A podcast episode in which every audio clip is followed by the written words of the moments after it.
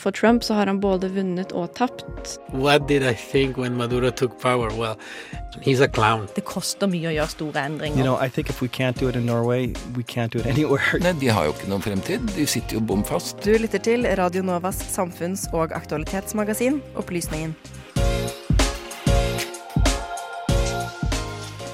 De siste månedene har det brutt ut protester og demonstrasjoner oftere og oftere. Vi gir deg en oversikt over noen av de mer glemte protestene. For 61 år siden fikk Guinea sin selvstendighet. Kampen for demokrati har blusset opp igjen i det vestafrikanske landet. Også i Europa samles folket i gatene for å uttrykke sin misnøye. I Nederland er det bøndene som stanser trafikken. Og i ukens opplysning ser vi nærmere på rasismen i europeisk fotball.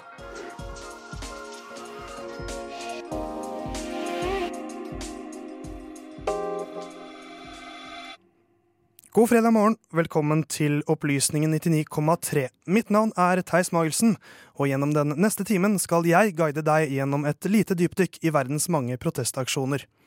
Demonstrasjonene mot Kina i Hongkong har fått enorm presseoppmerksomhet.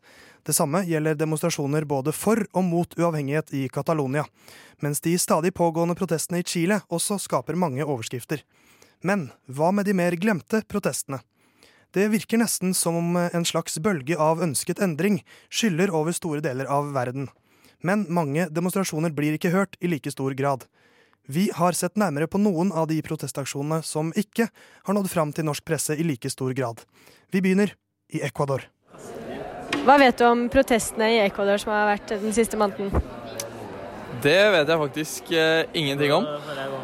Ingenting. Nei, det har alle hørt om. Eh, ingenting. Nei, ikke egentlig. Jeg har ikke lest noe om det, i hvert fall. Eh, nei, jeg har egentlig ikke fått med meg så mye av det. Og det visste nesten ikke jeg heller, før jeg begynte å lese om det. Jeg hadde så vidt fått med meg på NRK pop-opp-nyheter på telefonen min at eh, det var noen opptøyer i Ecuador, men hadde nesten ikke fått med meg det heller. Altså, jeg hadde i hvert fall ikke klikket inn på noe som helst.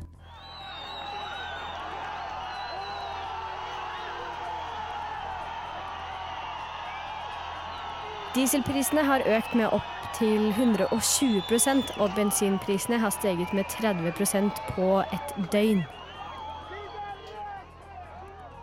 Den 4. oktober erklærte Ecuadors president Lenin Moreno unntakstilstand i Ecuador. Etter dette brøt det ut voldelige opptøyer i Ecuadors hovedstad. Det ble kastet stein og brannbomber i protestene mot økte drivstoffpriser. Over 20 000 av Ecuadors innbyggere deltok i demonstrasjonene. Etter noen dager har protestene blitt så intense at det nå er fem drept i Ecuador. 14. oktober inngår Ecuadors president og urbefolkningslederne en avtale som innebærer at regjeringen vil fortsette å gi støtte til drivstoff, slik at opptøyene stanses.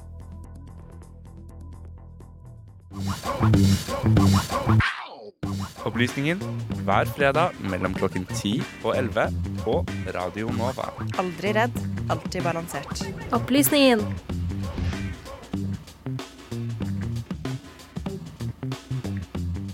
Vi reiser videre til protester på vestkysten av det afrikanske kontinent. Med sine ti millioner innbyggere er ikke Guinea blant stormaktene i Afrika. Det er en ung nasjon med en ung befolkning. Omtrent halvparten av befolkningen i Guinea er under 17 år. Men gjennom hele Guinea sin historie som en fri stat har noen få eldre menn sittet med makten. Landet har aldri hatt et reelt demokrati over en lengre periode.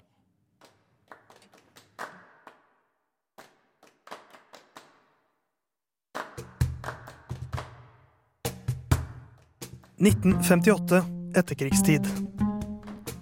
Den fjerde franske republikken har vært langt fra stødig etter andre verdenskrig. Den europeiske stormakten klarer ikke lenger å kontrollere alle koloniene. Og en ny begynnelse med en femte fransk republikk har enorm støtte i det franske folket. 8. august kommer president Charles de Gaulle med et tydelig budskap til republikkens mange kolonier. I folkeavstemningen seks uker senere har dere valget selv. mer selvstyre under den femte franske republikken, eller 100% frihet her og nå. De fleste koloniene velger det førstnevnte, men Guinea går den andre veien. 2. oktober 1958, etter 160 år under fransk kontroll, erklærer Guinea seg som en selvstendig stat. Guinea sitt demokratiske parti PDG får 56 av 60 plasser i nasjonalforsamlingen. Partileder Ahmed Sekou Touré blir landets aller første president. To år senere erklæres PDG som det eneste lovlige partiet i Guinea. Sekou Touré blir gjenvalgt i 1963, 1968, 1974 og 1980. Oppslutningen er på 100 ved hvert eneste valg, og han er landets eneste presidentkandidat. I praksis er han diktator i Guinea gjennom de første 25 årene landet har som selvstendig stat. PDG endret flere ganger mellom å søke politisk støtte først hos Sovjet og så hos USA, og så tilbake til Sovjet, før USA fristet mer igjen noen år senere. Guinea sin økonomi var derfor gjennom disse årene like uforutsigbar som landets diplomatiske linjer. Toré ble stadig mer paranoid, og hans regime jobbet mot både virkelige og imaginære motstandere. Tusenvis av politiske motstandere ble drevet inn i eksil eller fengslet gjennom Torés sin regjeringstid. Ahmed Sekou Toré styrer landet helt fram til 26.3.1984. Da dør han etter en hjerteoperasjon i USA, 62 år gammel.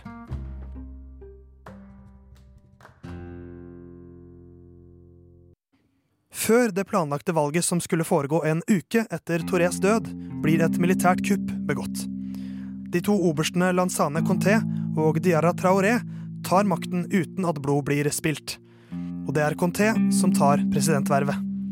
Hans første akt er å fordømme det forrige regimet sitt syn på menneskerettigheter. Han løslater 250 politiske fanger og oppfordrer ytterligere 200 000 mennesker til å returnere fra eksil. Conté ytrer at han vil jobbe for demokrati i landet, og oppslutningen hans den øker de neste valgene.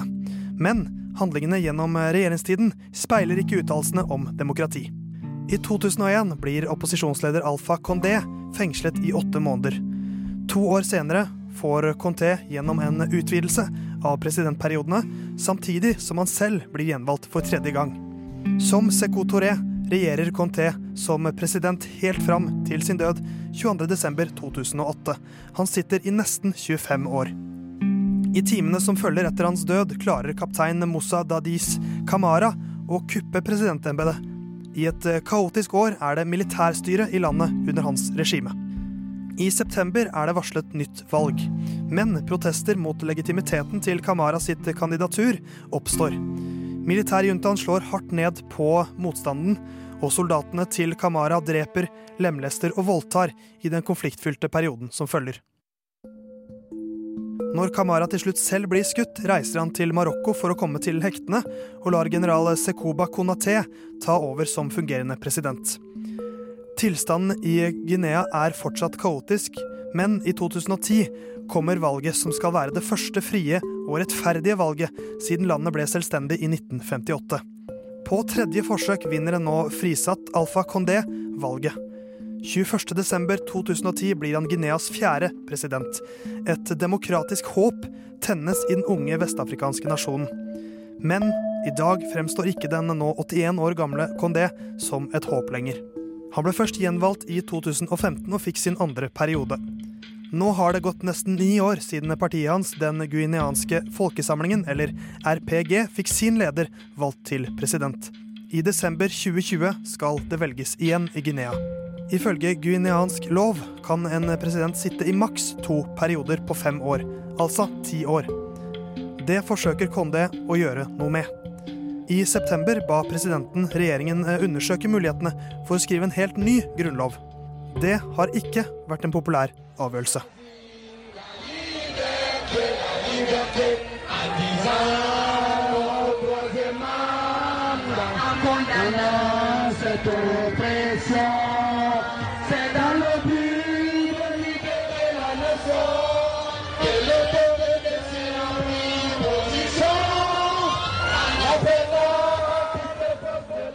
Dette er lyden av de tusenvis av protestantene i Conakry, hovedstaden i Guinea. Slagordet 'Amolanfé' har blitt en gjenganger i hovedstadens gater. Ordet kommer fra det lokale susu-språket. Den norske oversettelsen blir noe sånt som 'Det kommer ikke til å skje'. Protestantene nekter å la Condé fortsette etter neste valg. Protestene startet 14.10 i hovedstaden. Det var kun et fåtall til å begynne med, men allerede i de første opptøyene blir både en protestant og en politimann drept. I nesten fire uker har protestaksjonene blitt større og større. Flere ganger har det brutt ut kamper med politiet som har endt med dødsfall. Myndighetene hevder at det har blitt drept åtte mennesker, mens demonstrantene hevder at tallet er over tolv. De fleste av dem som har måttet bøte med livet, har vært demonstranter. Motstanderne de blir stadig flere og får en stadig høyere stemme i Guinea. Vi er lei av alle løgnene, de falske lovnadene, og først og fremst det faktum at han ikke lenger leverer det folket forventer. Ti år med makt er lenge nok. Suleiman Kamagate sa dette til AFP. Han er en helt vanlig baker i hovedstaden, og en av mange som har gått ut i gatene for å uttrykke sin misnøye. De nå tusenvis av protestantene får støtte fra høyere hold også. Corinne Dufka, som er Vest-Afrikas direktør i Human Rights Watch, sier følgende. Guineas regjering skal rett og slett ikke nekte folket sitt rett til å uttrykke motstand mot en ny grunnlov. Protestforbud, vilkårlig arrestasjon av ledere i det sivile samfunn og voldelig reaksjon mot demonstranter viser at regjeringen er klar til å tråkke på menneskerettighetene for å eliminere motstanden. Protestaksjonene mot en ny grunnlov fortsetter med stadig økende styrke i Guinea.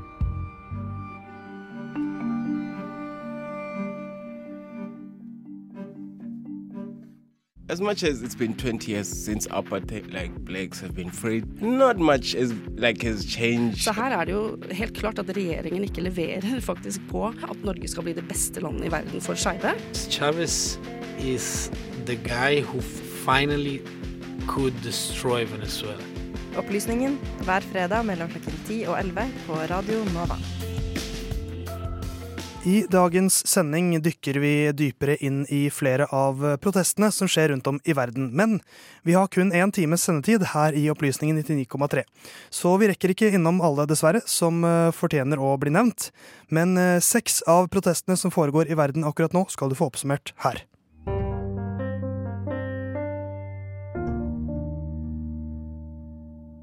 De siste månedene har det vært en markant økning i antall demonstrasjoner rundt om i verden. Her får du en kjapp gjennomgang av noen utvalgte protester. Haiti. Protester brøt ut 4. oktober pga. dårlig bruk av lån fra Venezuela.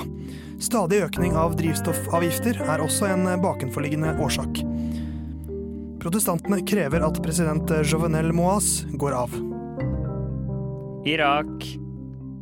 Gjennom sosiale medier ble 1. oktober satt som starttidspunkt for demonstrasjonene. 16 år med korrupsjon, høy arbeidsledighet og lite effektive offentlige tjenester er årsakene.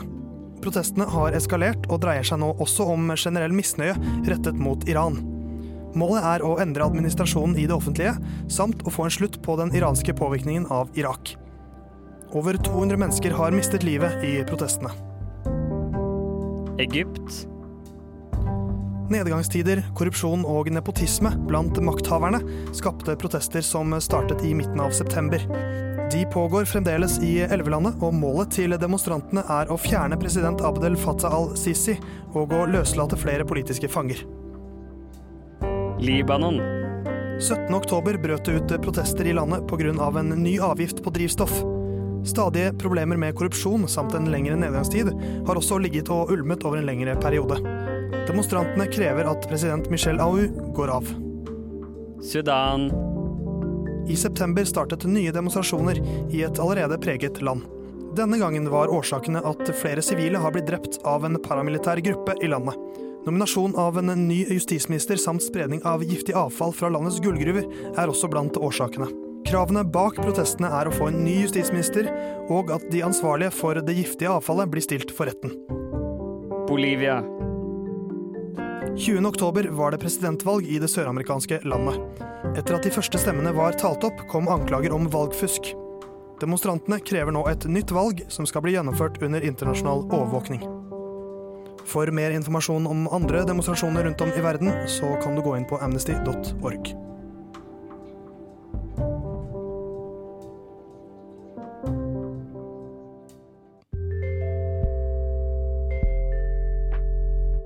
teknologi og digitalisering gjør at det vi ikke fikk til for noen år siden, det er mulig nå. At det å stadig vekk skulle balansere mellom frihet og ufrihet Det er ikke noe særlig lurt å stole på viljestyrken, f.eks. Kirkas demokratisystem. Opplysningen hver fredag fra klokken 10 til 11.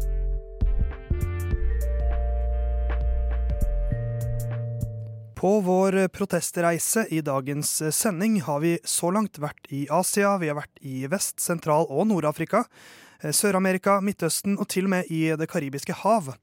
Men også i Europa foregår det demonstrasjoner av ulike slag. Og også i land som ikke er så langt unna Norge rent eh, geografisk sett, og heller ikke så ulike som oss rent eh, kulturelt. For de siste ukene så er det ikke bare sykler som har dominert bybildet i Nederland. Traktorene har tatt over.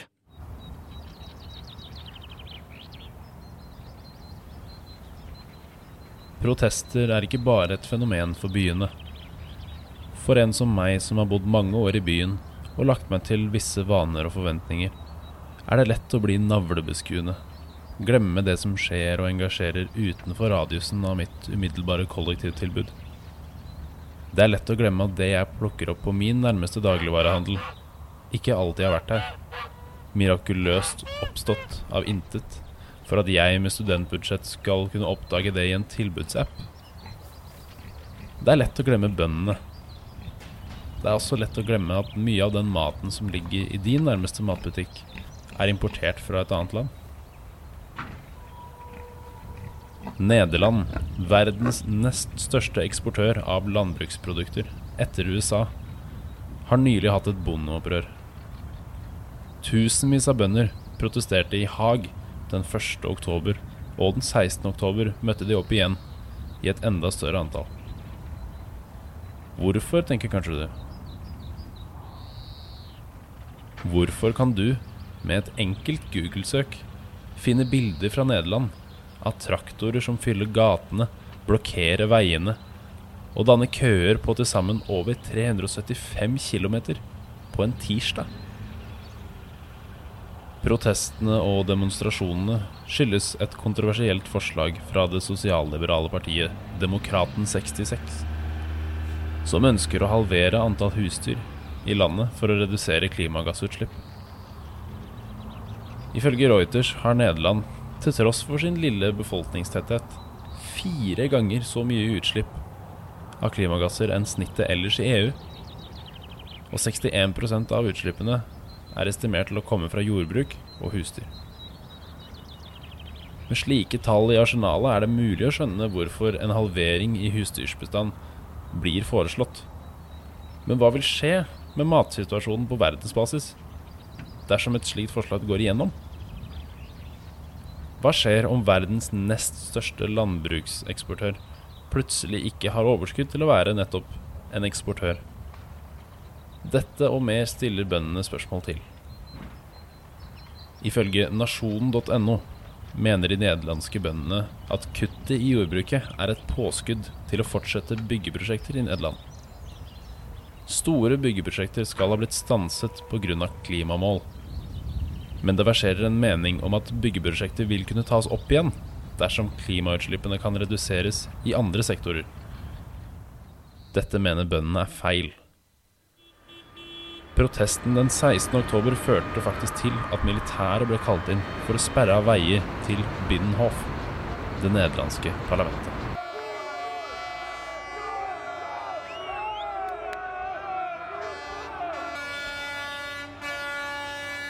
Bøndene og andre sympatisører for saken stilte opp i gatene med skilt, tonnevis av traktorer og masse pils. Når man ser videoer fra protestene, er det mye som kan minne om en slags folkefest. Men det er forståelig at når en mengde mennesker samler seg som tror på samme sak, så har man mye å glede seg over også.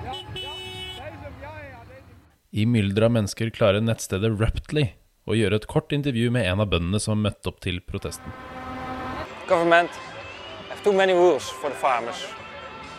Uh, European uh, rules, but the Dutch government they have more rules than necessary, especially for the farmers.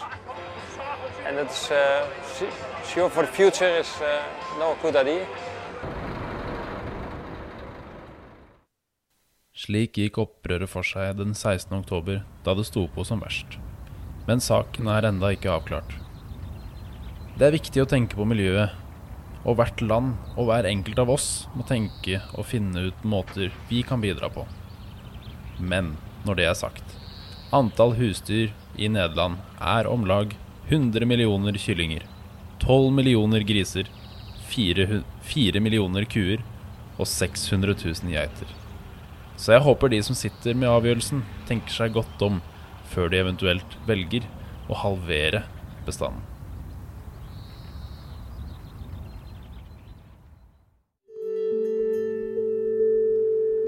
Nå skal du høre ukas opplysning på Radio Nova. Vår protestreise er ved veis ende, men vi har fremdeles plass til ukens opplysning. Det har lenge vært en pågående kamp i fotballens verden mot rasisme. Norske idrettsutøveres sentralorganisasjon, eller NISO, har lenge hatt kampanjen Gi rasisme rødt kort gående. Også det europeiske fotballforbundet Uefa og en rekke andre fotballorganisasjoner har hatt kampanjer gående for å skape endring, men problemet forsvinner ikke. Nazihilsener, rasistiske tilrop, apelyder og kasting av bananer er bare noen av handlingene som har blitt utført på ulike fotballarenaer i Europa de siste månedene. Ukens opplysning ser på rasisme i europeisk fotball.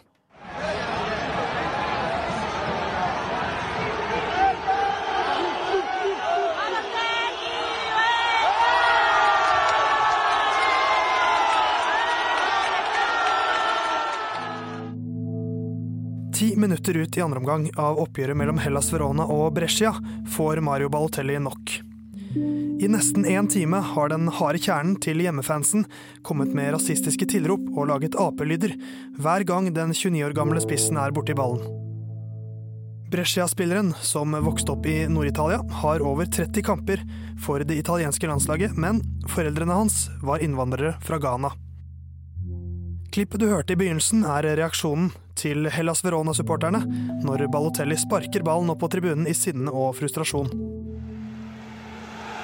Balotelli, he produced some magic. Oh, Balotelli immediately kicks the ball into the crowd. Did he feel there was something enchanted towards him? Why would he do that? Mario Balotelli. Oh, and he's walking off. His teammates are trying to stop him, but Mario Balotelli is going to leave the pitch. En rasende Balotelli stormer av banen, og dommeren stopper kampen. Over stadionanlegget blir en melding spilt. Kommer det flere rasistiske tilrop, så kan kampen bli stoppet. Det blir den dog ikke. Etter hvert fortsetter den, og Balotelli skårer, men Brescia de taper 1-2. Etter kampen rapporterte italienske Sky Sports at flere navngitte Brescia-spillere hadde hørt rasismen fra tribunen, men at ingen enda hadde snakket høyt om det. Treneren til Hellas Verona, Ivan Juric, hadde en annen oppfatning av situasjonen. Jeg er ikke redd for å si at det ikke var noen rasistiske tilrop i dag. De har kanskje hånt ham, men det var ikke noe mer enn det. De provoserte han med uskyldig og sarkastisk sang, men de var ikke rasistiske. Alt annet er en løgn. Og trener Juric han får støtte fra klubbens president Maurizio Setti. Vi kan ikke kontrollere 20 000 mennesker. Tilropene var ironiske, ikke rasistiske.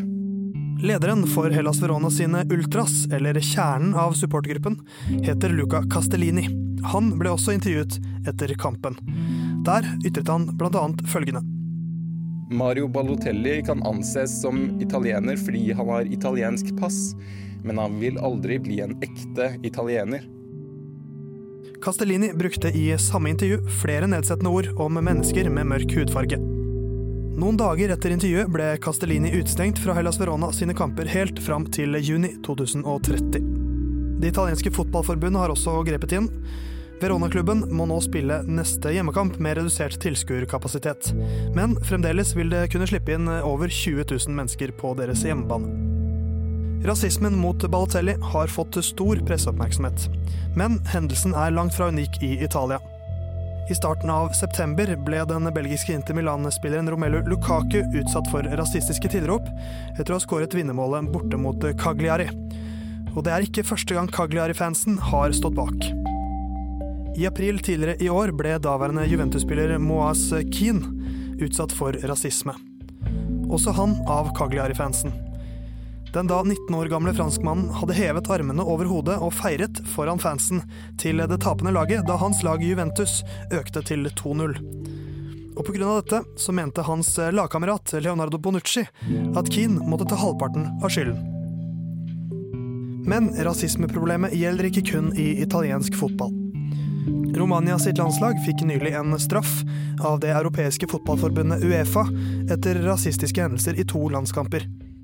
Rumenerne fikk bøter og ble dømt til å spille den neste kampen, som var mot Norge, foran tomme tribuner.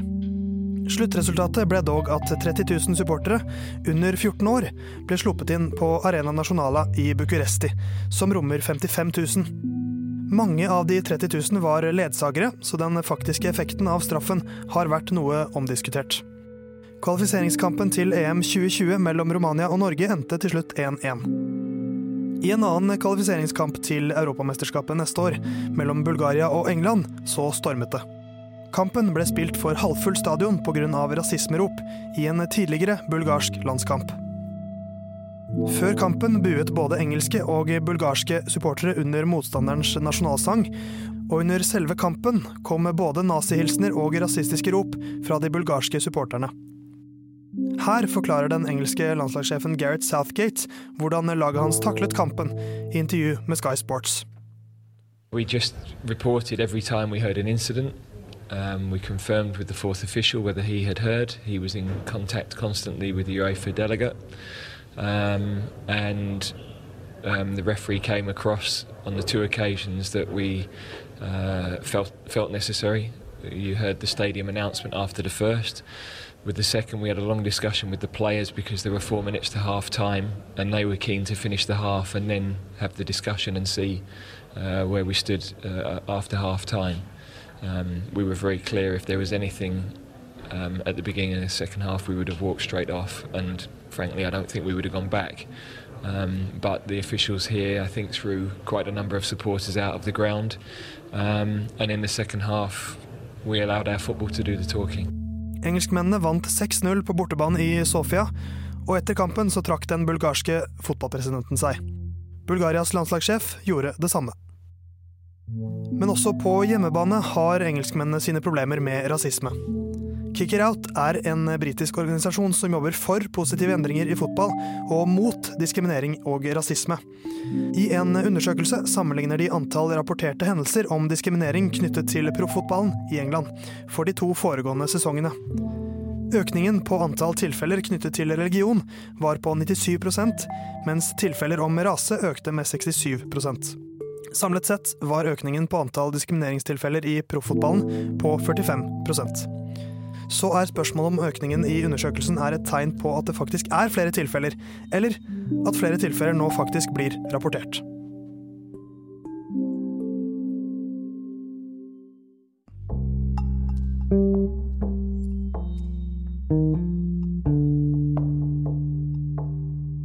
And this is insane. I've never seen this in any other country. Never in my life.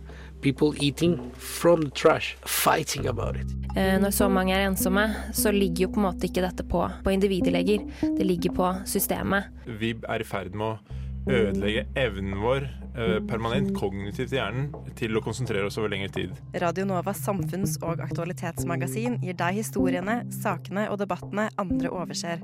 Aldri redd, alltid balansert. Opplysningen 99,3.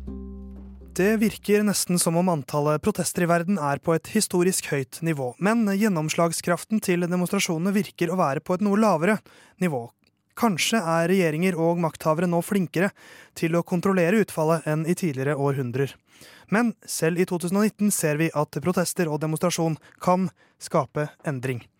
Medvirkende i dagens sending av Opplysningen 99,3 har vært Håkon Bekkeseth, Sondre Hølås, Ane Høstmælingen og Torolf Høstmælingen. Mitt navn er Theis Magelsen. Du finner oss på podkast der podkaster finnes. Hør på Studentnyhetene som starter om noen få minutter.